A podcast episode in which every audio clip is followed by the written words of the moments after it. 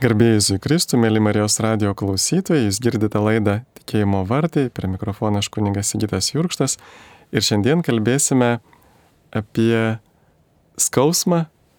Tikimės, kad ta laida nebus skausminga, bet kalbėsim iš tikrųjų apie tą klausimą, kuris mus visus neramina, kuris yra netgi, e, sakoma, kad pats pagrindinis argumentas prieš Dievo buvimą. Kodėl Dievo sukurtame pasaulyje, jeigu jį Dievas sukūrė, yra tiek daug skausmo tiek daug kančios, ne tik žmogaus, bet ir gyvūnų. Ir e, šiandien sveikinamės laidoje su gerbamu medicinos profesoriumi, gydytoju Andriumi Matsu, garbėsiu Kristai. Per amžius. Va, ir e, labai džiaugiuosi, kad sutikote ateiti mūsų laidą.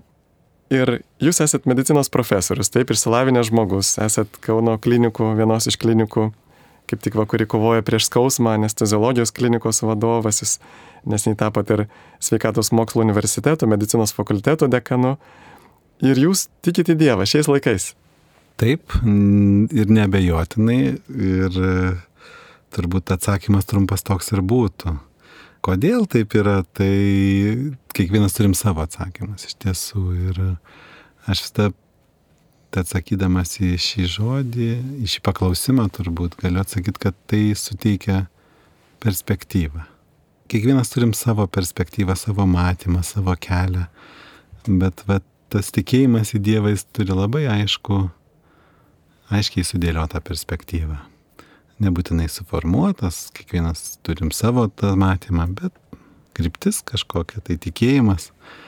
Kitaip viskas atrodytų kartais beprasme ir ypač toj pačioj mūsų medicinoje, kur matome, kad toli gražu ne visada gali padėti žmogui, toli gražu ne visada, kai atrodo turi sektis, sekasi.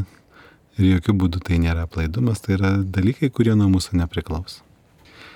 Ir šiandien kalbėdami apie skausmą, turbūt pabandysim net ir medicinė prasme galbūt e, suabejoti arba tiesiog paneigti, kad e, skausmas yra tarsi prieš priešą Dievo veikimui. Visai ne. Bet apie tai turbūt vėliau.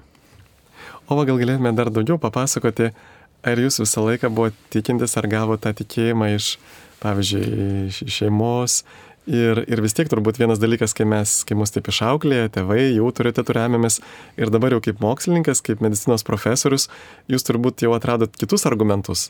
Pat apie tai gal tai žinoma, viskas prasideda nuo, nuo vaikystės ir čia tikrai labai didelis indėlis yra šeimos Ar tai yra mano atveju tai buvo seneliai, močiutės iš tiesų, viena kina, Kaune, kita Jurbarke ir aš puikiai atsimenu, kad mes su močiute Kauneidavom pasivaikščioti iki Švento Antano bažnyčios, toks kaip pasivaikščiojimas, kai aš likdavau pas močiutę. Aplankydavom, e, žinoma, su mažyliu ten su vaiku ilgai neišbūsi, bet puikiai atsimenu visus tuos vaizdus tais laikais tuo metu tarybiniais.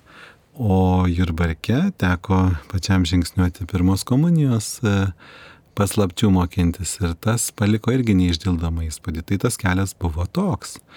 O vėliau turbūt tu praeini, kiekvienas praeinam savo kelias studijose, studijuodamas, matydamas tas pat prasmes, kai pradės durti su ligoniais, tai daug kas pradeda iškėti. Ir žinoma, ne tik ligoniai, bet ir asmenės patirtis, sėkmės ir nesėkmės, apie kurias galima būtų sakyti, kad, žinot, jos turbūt vienas didžiausių mokytojų net nesėkmės, o būtent nesėkmės. Tai čia irgi kalbėsim ir apie skausmą, ar jis tikrai yra nesėkmė, ar kaip tik yra dovana, kurią reikia kartais suprasti nuo kokių baisybių kartais nesėkmė apsauga nuo kokių didesnių tragedijų. Tai, tai apie tai turbūt irgi vėliau.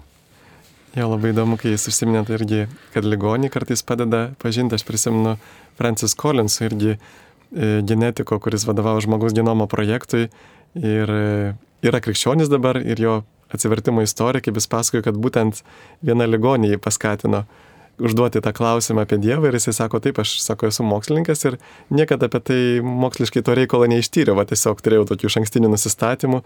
Tai va šiandien ir panagrinėjim iš tikrųjų iš pradžio apie tą patį skausmą. Jums tenka matyti daug skausmo, taip, jūs vis tiek, jūsų tokia specialybė yra kovoti su skausmu. o, o kada gyvenime žmogus patiria stipriausią skausmą? Tai iš tiesų anesteziologas reanimatologas, jisai kovoja visų pirma su ūminiu skausmu. Ir ūminis skausmas yra tas e, simptomas bendrai, kuris tinkamai valdomas, leidžia nenukeliauti skausmą iki, iki lėtinio skausmo. Bet pradėkime nuo daug ankstyvesnio dalyko, kad skausminis dirgiklis yra būtinas mūsų egzistavimui. Jeigu mes nejaustumėm skausmo, jį nereaguotumėm, mes kaip organizmas labai greitai žūtumėm. Nes skausminis dirgiklis, tai žinot, jeigu eini prie viryklės, pajunti nusideginį, atitrauki ranką ir taip išgelbi, galbūt kažkiek nudegi, bet nudegi ne tiek, kiek nudegtum, jeigu netitrauktum. Jeigu įsiduri kažkokį tai, tarkim, ten vinį. Taigi taip, sužalojimas nutinka, bet kas būtų, jeigu netitrauktum, kokia infekcija apsigyventų pas tave, greičiausiai žūtum labai greitai. Ir yra tie atvejai, apie kuriuos kalba medicina, apie skirtingus skausmo lygius ir būtent tais atvejais, kai e, žmogus daug toleruoja skausmo, tai nebūtinai gerai ir kaip tik tai yra grėsmė ankstyvai žūčiai. Tai skausminis dirgiklis yra ir tas skausmo supratimas žmogui yra būtinas, būtinas e, žmogiškos arba kūniškos egzistencijos prasme ir čia net abejot nereikėtų. Tai yra dovana, kuri mus saugo nuo greitos žuties kai skausmas tampa dėl lygos, jisai visų pirma tampa ūminiu skausmu arba tuo va čia tik atsiradusiu ir jis irgi labai naudingas, jeigu mums neskaudėtų ir mums taip dažnai nutinka pacientai, kurie serga cukriniu diabetu, jie skausmą junta kiek mažesnį ir kartais tas mažesnis skausmas juos vėliau atveda į ligoninę ir jau mes matom pažengusią, pavyzdžiui, infekciją, e, pažengusi ūminį miocardo infarktą e, jau laikas prarandamas. Matot, skausmas gena tave pas gydytoją, gena tave į ligonę, gena pas šeimos specialistą, šeimos gydytoją ar, ar į polikliniką ir tu taip saugaisi. Vėlgi skausmas, tas ir ūminis, tave ragina kreiptis. Bet kas čia nutinka, tenka ieškoti jau ligoninėse ar poliklinikose, ieškoti sprendimo, kaip su tuo ūminiu skausmu pabaigti arba kaip išgydyti žmogų. Nes vėliau, kai skausmas tampa lėtinis, jeigu kalbam apie kūno skausmą, jisai iš tiesų padaro daug žalos, jau tada keičiasi žmogaus ir emocijos, keičiasi ir elgesys, ir psichinė būklė, žmogus deformuojasi ir jis tikrai jau čia yra bėda. E, ir su tie tenka kovoti. Ir jinai yra sprendžiama ir daugeliu atveju išsprendžiama, taip kad nuleist rankų nereikia, bet skausmo santykiai arba turėti teisingą santykį su skausmu yra labai svarbu. Tai nėra blogis. Tai yra ja. labai svarbus reiškinys. Man teko skaityti apie tai, kaip, nu, apie tos žmonės, kurie, va, kaip minėjote, iš viso kartais neturi skausmo pojūčio ir kad jie vaikšta, pavyzdžiui, su nu, nudegintomis, sulaužintomis galūnėmis, su dešimtimis lūžių. Ir, ir kartu, kad mokslininkai bandė sukurti, nu, va, tokį dirbtinį skausmą ir sako, jis būtent turėjo būti pakankamai stiprus, kad jisai priverstų žmogų reaguoti, nes jeigu jis bus per silpnas, žmogus tiesiog nereaguos ir, ir vėl. Taip, tikrai turime, turime vienreikšmiškai suvokti, kad tai yra ne bausmė, o dovana. Bet kaip pavyzdžiui anksčiau, ne, vat mes tikime, tarkim, pačioje pradžioje, nu, nebuvo medicina taip pažengusi, va dabar medicina gali numalšinti skausmą, bet jeigu senovėje, pavyzdžiui, žmogus vat, susirga ir ateina pas gydytojus, gydytojams nu, kažin ar ten galėdavo daug padėti ir kaip tada Dievas galvojo apie štai, nu, kad žmogus tokiuose skausmuose pasilieka, bet tik tai šių laikų civilizacijos medicina gali juos iš tikrųjų efektyviai numalšinti? Nesutikčiau, nes, žinot, senais, tiek kiek mes matome medicinos įrašų, buvo ir kiti metodai. Taip, dalis jų buvo nesėkmingi ir dabar mes turime dalį metodų, kurie anksčiau ir vėliau pripažįstami kaip mažai efektyvūs. Bet ir turėjo labai dėlių pajūtimų, kaip gydyti uždegimą, kaip gydyti tuos pačius lūžius, e, na, kaip spręsti. Taip, amžiaus vidurkis žmonių buvo be abejo trumpesnis ir daug daugiau tų nesėkmių, bet kad visai nebuvo ir žmonė neieškojo priemonių, tai neturim sutikti su tuo. Žinot, tai čia iliustruosiu labai paprastu pavyzdžiu. Kai aš pradėjau mokintis anesteziologiją, aš galvojau, kad kai kurie anesteziologijos metodai buvo atrasti čia tik tai vat, prieš kelis metus. Ir jau taip įtikėjau tuo, nes jaunas gydytojas čia tik pas mus, tik tai Lietuvoje, nu aišku, ir visur kitur, bet jau čia tik mes. Bet kai paskaičiau mūsų tarpukario Lietuvos chirurgų, Vlado Kuzmos labai garsaus, pirmuosius chirurgijos vadovėlius lietuvių kalba, anesteziologijos tarp įskaitant vadovėlį, tai jie tuos nuskausnimo metodus, kur man atrodė, kad vat, čia tik dabar, jie puikiai taikė prieš dabar jau šimtą metų. 99 metus pirmieji įrašai lietuvių kalbą, kurie atlieka tos pačius anestezijos metodus, yra tikrai labai seni. Žodžiu, mes e, turim suprasti, kad ir senais laikais žmonės ieškojo sprendimų, kaip skausmo malšinti, be abejo dabar galimybės nepalyginamai geresnės, bet ir tais laikais buvo sprendimų. Ir turbūt nereikėtų galvoti, kad e, skausmo malšinimas yra tik tai dirbtinis kažkoks sukurtas, sufabrikuotas dalykas, nes labai dažnai tie dirbtiniai dalykai ateina iš gamtos ir Dievas jau iš pat pradžių parūpino, ne visokių vaistažalių, visokių gydančių Ir dabar žinom, kad e, kai kuriuos uždegimus žmonės gydosi, ten tai užsideda trauklapį, tai kopūsto lapą. Ir žiūrėk, tikrai yra kažkokių tai labai iškių tų rezultatų, kur, nu, negali nuginčyti. Ir jeigu tavęs paklausia, dėt ar nedėt, ir jeigu tu matai, kad ten grėsmės nėra, nėra atviro žaidos, tai kodėl jam neuždėt? Ir tikrai randame tų pavyzdžių labai gražių. Tai prieš pastatyti neverta. Galbūt tik tai į klaidas neverta ten nerti ir, ir suabsoliutinti kai, kai kurios metodus, bet, bet ieškot, saugiai ieškot, turbūt visada prasminga. O ne tik žmogus, bet visi gyvūnai taip pat patiria skausmą, kankinasi. Pavyzdžiui, vilkas ten sudras kavinėlį, kad, kad jie vadinasi, nemačiau, pagavo pelį ir žaidžia su jau, ta vargšiau visiškam strese.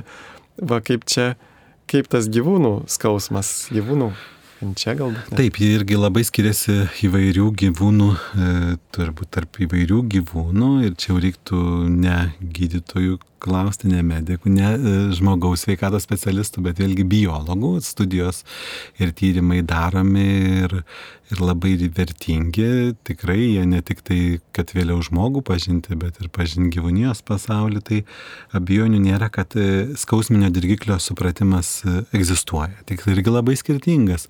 Matome gyvūnus ten roplius, kurie gali kautis be pusės organizmo ir toliau regeneruoti. Kokį driežą su be uodegos ar ne? Ir, ir tai net yra metodas išsis, išsigelbėti. E, ar, ar tarkim, gyvatę, kuri, kuri atrodo jau turėtų būti e, nebegyva po, po tokių sužalojimų ir nieko panašaus, e, kai kautynės vyksta tarp dviejų roplių. Tai labai skirtingi, žinot, mes keliaujam toliau nuo roplių, gal keliaujam prie žinduolių, ten, ja, kaip be pavadinsi, į, į prie įvair, įvairių pasauliu, turbūt galiu sakyti taip supaprastinant, ne biologiniu terminu, bet e, skausminio dirgiklio e, ir skausmo slengščiai skiriasi labai daug dalykų. Mes, kai kalbam apie žmogų, galim čia šiek tiek pasimatuoti ir tai esam skirtingi. O čia tarp rūšiniai dalykai, kurie turbūt labai skirtingi. Ir vėlgi, aš siūlyčiau, aš taip kviečiau gyvūnijos pasaulis turi savo taisyklės. Ir jeigu tikim, kad Dievas jiems numatė, tai ir tas santykis su tuo su tuo skausmu turbūt yra taip, kaip numatytas. Aš va tuo tikiu. Nu, nėra taip, kad jis būtų kažkoks neadekvatus, va čia žmogum rūpinasi, o ten jau kaip bus. Nemanau, manau, kad irgi yra. Ir jeigu jau tenka tam žūvančiam gyvūnėliui žūti kažkokio tai stipresnio gyvūno, na, glėbyje ar nasruose, tai taip Dievas numatęs yra tame pasaulyje ir neaišku, kokie ten tada slengščiai sudirba ir kokios perspektyvos bet, bet aš tikiu, kad tai yra surėdyta ir dėl to yra kažkaip ramu. Vat kad žmogus netaptų kažkokiu tai patyčiu iš gyvūnų, tai čia turbūt irgi nediskutuojam, e, netaptų tuo, tuo grobuoniu, kuris beprasmiai naikina gyvūnyje. Jeigu tai yra būtinybė tikrai žmonėms išgyventi, maitintis, tai yra visai kiti dalykai. Bet jeigu tai būtų tik tai patyčiai iš pasaulio tvarkos, tai būtų nesveika. Vadinasi, nebūtų geriau, jeigu skausmo nebūtų, ar ne, arba jeigu jis būtų silpnesnis. Tai. Tikrai ten lygiai taip pat, žiūrėkit, ar šuniukas atitraukia letenėlę, ar jisai ją saugo, po to negali priminti, tai reiškia, ir gyvūnų pasaulyje skausmas yra reikalingas, kad galėtum gyventi. O ar prieš mirtį žmogus jaučia skausmą, ar kažkaip tenka matyti, va, e, buvus kapelionų, kad e, tarsi prieš mirtį dauguma žmonių jie praranda sąmonę, irgi toks tarsi na, apsauga nuo tokio nuskausmo, ar ne? Visiškai teisingai. E, labai skirtingos aplinkybės to skausminio, vėlgi skausmo eigos ir skausmo progresavimo. Kartais mums e, labai dažnai tenka skausmą malšinti, bet tikrai toli gražu ne visada. O ir tais didelio skausmo atvejais žmogus turi irgi apsauginių mechanizmų, kaip jūs sakot, kartais yra ir, ir sąmonė keičiasi, kuri kuri leidžia tą skausmą pakelti.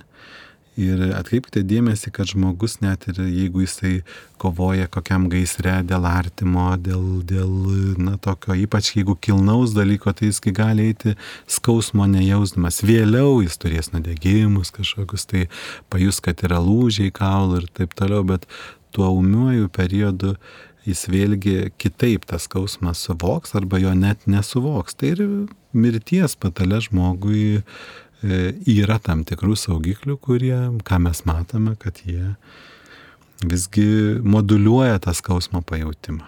Bet aišku, skausmo malšinimas čia nebejotinai svarbus.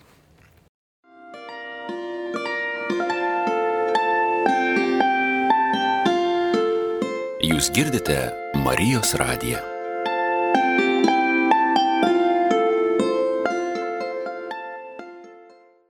Gerbiami Marijos radio klausytojai, jūs girdite laidą Tikėjimo vartai. Prie mikrofono aš kuningas Sigitas Jurkštas. Šiandieną kalbamės tema, e, kodėl Dievo sukurtame pasaulyje tiek daug skausmo su gerbiamu medicinos profesoriumi e, Andriumi Matsu. Ir e, visgi turbūt daugeliu štai šitas klausimas irgi kirba, kad, na taip, ten dėl nuo nudegimų skausmas apsaugo, nuo lūžių ir taip toliau, bet, bet kai žmogus susirga nepagydoma lyga, ir vis tiek jisai nieko nebegali padaryti. Medicina nieko nebegali padaryti ir jis baisiuose kančiuose. Ir kokia tada nauda iš skausmo? Ir, ir, ir kaip tada, ką mes galėtume daryti, ar, ar tik tai tie, kurie, kaip sakyti, yra turtingi, gali savo leisti brangius vaistus, va tik tai tie yra apsaugoti nuo skausmo, o paprasti žmonės tada turi kentėti baisias kančias, ar tai yra teisinga? Yra tokia šermeninė gesmė, vis tiek, kas tu esi, jartinas drasi ir ten nėra jokių išlygų toje gesmėje minima, kad nėra ir turtingus, ir bėdžius, ir, ir jaunus, ir senus, tuoj karstan suvarys, pailsėt uždarys ta mirtis. Labai prasmingi žodžiai, kurie verčia susimastyti. Tai turiu tikrai paneigti tą, kad, tarkim, Lietuvoje gyvenančiam žmogui iš principo nėra prieinama gydimo metodai tie, kurie prieinami New York'e. Negaliu sutikti su tuo. Yra niuansų, yra tų eksperimentinių gydimo metodų, kuriuos ir mūsų ligoniai gauna, kai kreipiamasi jau specialių komisijų pagrindų. Tai be abejo yra ir to galbūt kai kur uždėlsimo dar, dar nesame tobuli ir niekad nebūsime tobuli. Bet iš principo turime suvokti, kad e, skausmas e, tos, tarkim, nepagydomos lygos. Jeigu nieko nebūtų, gauni diagnozę, esi nepagydomos lygos. Nu ir ką, tau neįskauda, nepatiri, nu gal kažkiek vaikščioti negali. Nu, kad tarkim, sutarkim, ne, nes jų labai įvairių nepagydomų lygų apriboja, bet tu prie to priprastum. Ta nepagydama lyga vėlgi yra tam tikras, aš tai tai vertinu, kad tai iš bėdos tampa dovana. Tu pradedi suvokti daug geriau ribas, daug geriau žino tą save koordinačių sistemoje, kur tu esi ir kokia tavo perspektyva. Juk kartais, kai neturi nei skausmo, nei rūpeščio, tu neturi budrumo šitame gyvenime. Tave netgi užliuliuoja. Žiūrėkit, kaip tu gali prarasti laiką viskas sekasi gerai, tau 30, tau 40, tau 50, tau 60, tau 70, tau 80 ir staiga, graži, kaip žmonės sako, e, mirtis e, e, miegant. O tada, jeigu kalbam apie perspektyvą, stovi prie dangaus vartų ir, ir renkiesi, ko nepadarėjai. Ir galvoju, jeigu kas būtų įgnybęs, jeigu kas būtų subaręs, gal nebūčiau to padaręs. Tai jeigu sergi nepagydama lyga, vis tiek prie jos gali priprast, jeigu jinai yra patogi. O jeigu visgi jau gavai tokį pašaukimą tai nepagydomai lygai ir prie to tau prideda dar ar skausmą ar kažkokį kitą nepatogumą, matyt ne, va, ne veltui. Kad skausmas būtų nevaldomas, nekontroliuojamas, būtų blogai. Čia būtinas tikrai sveikatos specialistų ir šeimos gydytojų, ir šiai bendruomenės slaugytojų. Ir jau po to skausmo specialistų, kurie dirba ligoninėse ar, ar net ir privačiuose erdvėse, kabinetuose. Tikrai labai svarbi, svarbi yra jų misija, kad tą skausmą valdyti, moduliuoti kad jeigu žmogui, va čia laikinė medicina leidžia gyventi, arba taip aplinkybės leidžia gyventi ilgai, kad jis netaptų tuo vedliu, kurį žmogų deformuotų. Ir, žinot, nepagydamos lygos, mes visada galvom, kad nepagydama lyga tai čia vėžys, dėl to tie žmonės labiausiai kankinasi skausmuose. Netiesa. Žmogų dažniausiai vargina neuropatinis skausmas, neonkologinis skausmas. O net ir tie, kur serga onkologinė lyga, pasirodo, kad jiems visai neonkologinis skausmas yra.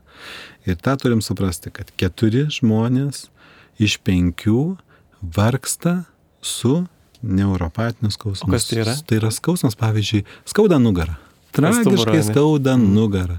Ir net neįsivaizduojame, o klausytojų tarpe turbūt daug kas sakys, tikrai man skauda nugarą arba skauda sanarį, skauda klubą.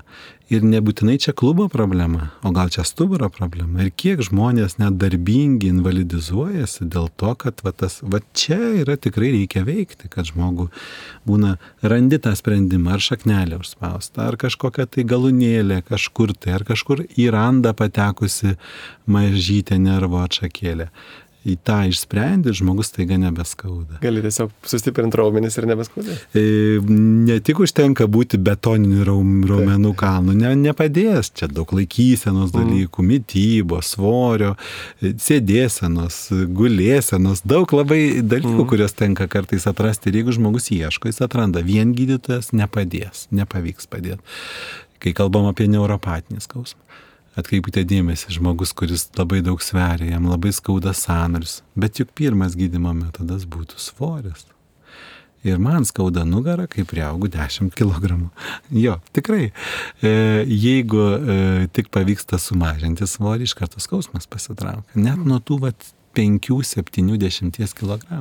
Reiškia, mes dažnai patys e, esam kalti, o kaltinam Dievą. Taip. taip. Ir man labai patiko jūsų ta mintis apie laiką irgi, kad lyga priverčia susimastyti, ta, kad tau liko nedaug laiko. Aš, pavyzdžiui, pastebiu, kad, nu, per kokios atostogas tu turi daug laiko, bet paprastai nieko gero nepadarai, nes atrodo, kad daug laiko ir jį išvaistai. Bet kai turi nedaug laiko, tada padarai labai daug darbų, nes koncentruotai Taip, ir tu, tarkim, įsivaizduokit tokią situaciją, kad jeigu tu turi, čia nekalbėkime apie gyvenimo trukmę, kalbėkime apie tau duoda atostogas mėnesį. Ne? Aha, nu, tai gerai, dabar palsėsiu, po to gal važiuosiu, gal ir viskas išeina į tokį gal, ir gal važiuoju 3-4 dienas.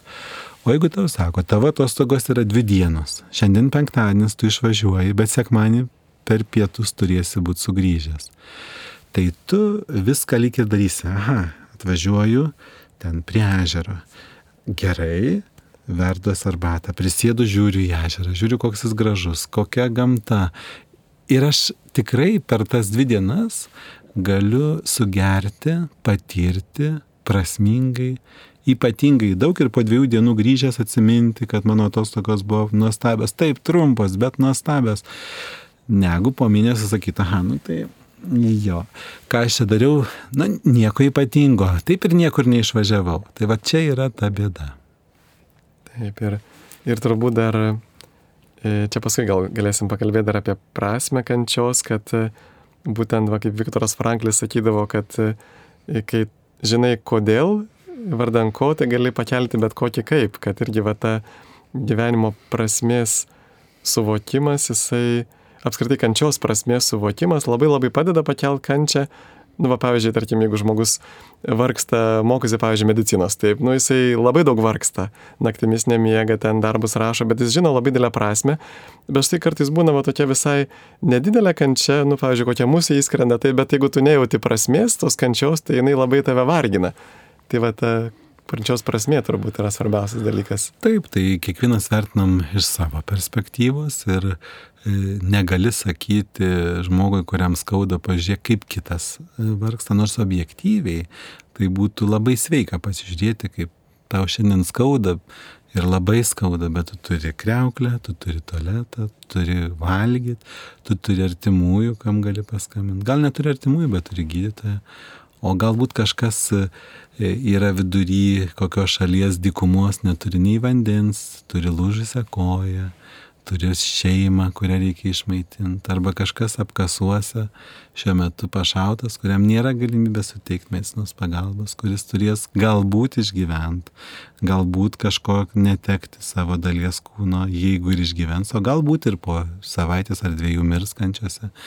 Tai labai verta pasižiūrėti, kur tu esi, bet jeigu net ir nežiūrėti į kitus, tai čia reiktų pagalvoti, aha, kokia mano ateities perspektyvą. Gerai, noriu dar ramiai ir pagyventi. Gerai, jeigu Dievas duos. Labai gerai, duos tau pagyventi praeis skausmai. Bet kas po to tavęs laukia? Ar galim sakyti, kad neverta galvoti? Nu ką čia galvoti, pažiūrėsim, kaip ir gyvensim.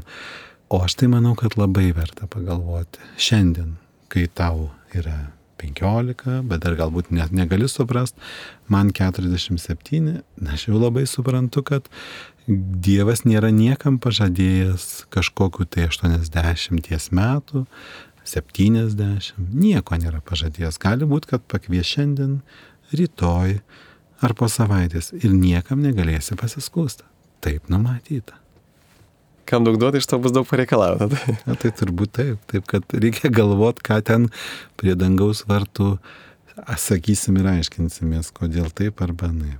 Ir, turbūt irgi, kad tai yra Dievo išmintis, kada žmogus gali e, prieš mirtį pasiruošti, kada, nu, va, ta mirtis nevyksta staigiai, bet, bet kada jis gali tie skausmai, tas susilpnėjimas, juk vis tiek e, tikslas yra amžinasis gyvenimas, jeigu žiūrint tikėjimo žvilgsniu, ir šitas gyvenimas yra kaip pasiruošimas. Ir, ir jeigu aš taip pat, net, nu, kaip tik ta lyga ir paguldo mane į tokį pasiruošimą, paskatina net pamastyti, net daugelis žmonių atranda Dievą būtent per kančią. Tai turbūt e, turim taip tokiais šio laikiniais terminais e, sakyti, kad, žinot, gauni elektroninių laiškų ir gauni labai daug ir nežinai, ko čia griebt, ką čia atsakyti. Ir būna kažkokį tai turi rūpestį, tai atsakai tai, kas yra būtiniausia. O tos visus laiškus mes juos kartais vadinam spamu. Tai va tą spamą tu jau nebežiūri. Jau kartais mums kompiuteris atrenka e, elektroninio pašto sistemos, kad ne to spamo nukreiptų, bet čia realiai skausmas arba kažkoks rūpestis jis tau atmeta viską, kas yra bereikalinga. Tu įgyji galimybę tikram santykiu ir prioritetams susidėlioti. Galbūt pradžiai gydyti skausmą ir jį visai kaip kovoti su lyga, kas yra tikrai teisinga ir būtina, bet esant tam tikriems, na, neišvengiamim dalykam, susidėlioti, kas tavęs laukia. Žinot, aš tikrai žinau tų gražių pavyzdžių, kai žmonės susirga lyga nenoriu iliustruoti labai tiksliai, nes galbūt manęs klauso ir sakys, kad ne, aš pasakoju čia paslapti, bet aš žinau nuostabių specialistų iš savo tarpo, kurie sužinoja diagnozę, sakė taip, nedaug lieka. Bet gerai, aš padarysiu tą. Man gal ten metų daug, bet aš išmoksiu vairuoti. Gausiu teisės, išmoko. Tada nukeliausiu galbūt kelionį į piligriminį į Italiją. Niekad nevažiavęs, nuvažiavo ir toliau gyvena. Aha, ką toliau darysiu? Tai dar pusę pasaulio apkeliauja žmogus. Ir tokių atvejų ne pasaulyje, čia kaunė yra. Tai tau leidžia susimobilizuoti ir ieškoti sprendimų. O kartais vyksta daug stebuklų. Stebuklai iš tiesų vyksta kasdien, bet mes juos kartais neturim malonės matyti. Tai net jeigu ir laiko stebuklas neįvyksta, bet tai kas įvyksta, jeigu tu esi samoningas, prasmingai matantis tikrai daug dalykų. O net jeigu ir skausmo tu varginamas tarkim, taip ir neišeis dalies tos skausmo suvaldyti. Tai tokiu atveju aš manau, kad turės albi prie dangaus vartų, sakys, žiūrėk, nu labai skaudėjo, tai negalėjau sutvarkyti, ar ką jau čia tokie visi. Galėjau maloniai bendrauti. Tai. Taip, nu negalėjau, nu matai Dievę, matai, kad negalėjau, tai va, tai taip turėtų būti. Ir čia tikrai, kaip paminėjote apie tą, kad e, atrandi, kas yra svarbiausia. Labai daug žmonių irgi liūdė kažkokiuose tyrimuose, jau gyvenimo pabaigoje, ką jie būtų keitę kitaip, tai absoliučiai dauguma sakė, kad būtų pakeitę tai, kad e, darbui nebūtų skyrę pirmos vietos, bet pirmą vietą būtų skyrę santykiams su žmonėmis. Tikrai taip. Tam, kad pamatyt, tam, kad pasikalbėt, tam, kad prisėst ir pasėdėt, mesgi neturim laiko. Neturim laiko arbatą, ypač dabar, ar ne? Mes galvom, kad rytoj mamą aplankysim, po rytą aplankysim kažką kitą, gal nuvažiuosim paspaust ranką, o po to jau taip ir taip nutinka, kad, na va, planavau, planavau, bet aha. Taip, tu turi dirbti kasdienius darbus ir negali vien tik tai su visais keliauti atsisveikinimo keliu, bet bet net ir būdamas visiškai sveikas, tai turbūt to labiau, bet e, visgi tas dėmesys, nu, jis turi ištikti. Ir turime skirti tą dėmesį būtinai. Ir va čia dargi paminėjote apie tą mobilizavimą. Man atrodo, jūs gal kaip, e, kaip gydytojas labiau galėsit paaiškinti, man atrodo, yra labai geras palyginimas apie fermentus, kad fermentas yra kaip katalizatorius, taip, kuris pagreitina reakciją. Ir turbūt žiūrint į mūsų pasaulį, pavyzdžiui, kodėl kartais Dievas leidžia tam tikrą kančią, išbandymus, nu jie veikia kaip tam tikri katalizatoriai, kurie pagreitina mūsų kelią E, link šventumo, va kaip šventoji Faustina irgi pasakojo, kad sako, kai aš mačiau tokią viziją, kad va, Dievas man yra paruošęs sostą, į kurį aš galiu atsisėsti ir nu, kad tapsiu šventąją. Ir kai tik pradėjau eiti link tenai, žmonės pradėjo mane mėtyti visokiais ten supuvusiais kiaušiniais viską. Ir aš tada dar daug greičiau nuėjau ten ir paskui ant jų nepykau, nes jie man padėjo daug greičiau atsisėsti tą sostą. Na va, tai toks pavyzdys. Turbūt vėlgi krikščionio gyvenime, žinot, kai esi pradedantysis, tai pradedantysis tą kelią, tai tokių gražių patirčių gauni šviesių, o kai eini gilin, tai kelias link Dievo, nu, nelengvėja, turim pripažinti, ar ne, ir apie tai kalba ir garsus bažnyčios mokytojai ir mystikai, kad yra tas tamsios tikėjimo naktis, kad atrodo viską darai, o vilties nėra, bet tai nebūtinai, žinot, ta, ta tamsiausia naktis yra prieš aušą. Tai ir skausmo prasme, tikrai būtina skausmą malšinti, būtina su juo mediciniškai kovoti, būtina, kad jis ūminis būdamas netaptų lėtiniu, bet, bet jį vertinti kaip kažkokią Dievo bausmę, na visiškai neteisinga. Mano pamatymu tai yra dovana, kuri, jeigu jau sėki tokią dovaną gavai, geriau gal negauti tokių dovanų, bet jeigu jau sėki gavai, tai tenka su ją, joje labai paieškoti kodėl. Ir turbūt va, tas daro mus panašius į Jėzų, bet kartai žmonės e, sako, nu va čia Dievas mane nubaudė, bet juk Jėzaus nenubaudė tėvas už nuodėmės, jeigu jis neturėjo nuodėmių. Ir, ir čia turbūt yra tas didžiausias Dievo atsakymas į kančios klausimą - Jėzus Kristus. Ir jisai savo kančia, jis aukojasi už kitus ir rodo pavyzdį, sako, eikite ir jūs taip darykite ir, ir, ir sekite manimi. Tai vad mes irgi savo kančią, čia yra, yra didžiulio dovana ir kartais galbūt tam tikros klaidingos teologijos atima iš mūsų šitą kančios prasme, kai sako, kad viskas, tu nebeturi kentėti, Jėzus už tave viską padarė, tu gali tik tai primti, iš tavo kančios nėra jokios naudos. Bet e, kaip tik Paulius sako, kad savo kūnę papildau, ko dar trūksta Kristaus vargams dėl jo kūno, kuris yra bažnyčia, o Kristus šiuo metu negali kentėti, nes jis yra danguje su kūnu, o mes galim kentėti ir mes galim irgi, na, jisai turbūt taip norėjo, kad ta kančia, kuri būtų, kuri mus labiausiai galbūt, kuri, kurią velnės išnaudojo, tarp kitko, kad mus gazdintų, kad mus pavergtų, o kad Jėzus tai pavertė kaip tik į priemonę išlaisvinti žmonės iš to velnio valdžios. Jo, aš vis galvoju, ar, ar Dievas nejaučia skausmo dabar, kas žino, jeigu jis mato, žinot, gal kūniško skausmo, ar nejaučia, bet e, kai mato mūsų Taip. E, kelius ir klys kelius, tai turbūt kaip, kaip tėvui skauda labai stipriai. Ir, ir čia mes turėtumėm labai susimastyti, ar nedrasko jo širdies, kad tai, ką sukūrė tobulą, kad, e, kad taip sunku, be abejo, puikiai supranta. Ir, ir, ir, ir gundytojo darbus ir, ir, ir va tą teisę, kuri, kurią jisai įgyjo ir tą ne tokią nediskutuojamą žmogų jo suteiktą laisvę pasirinkti. Tai kad jam neskauda, tai dar labai didelis klausimas. Jaučiu, kad nežinau. Nežinau, kad skauda, bet turbūt dvasinė prasme tai. Ir gal tas skausmas daug didesnis, koks sielvartas baisus, bet Juk jisai sakė, kad e, ką padarėt vienam iš mažiausių brolių, tą padarėt man, tai jisai susitapatino su kiekvienu mūsų skausmu.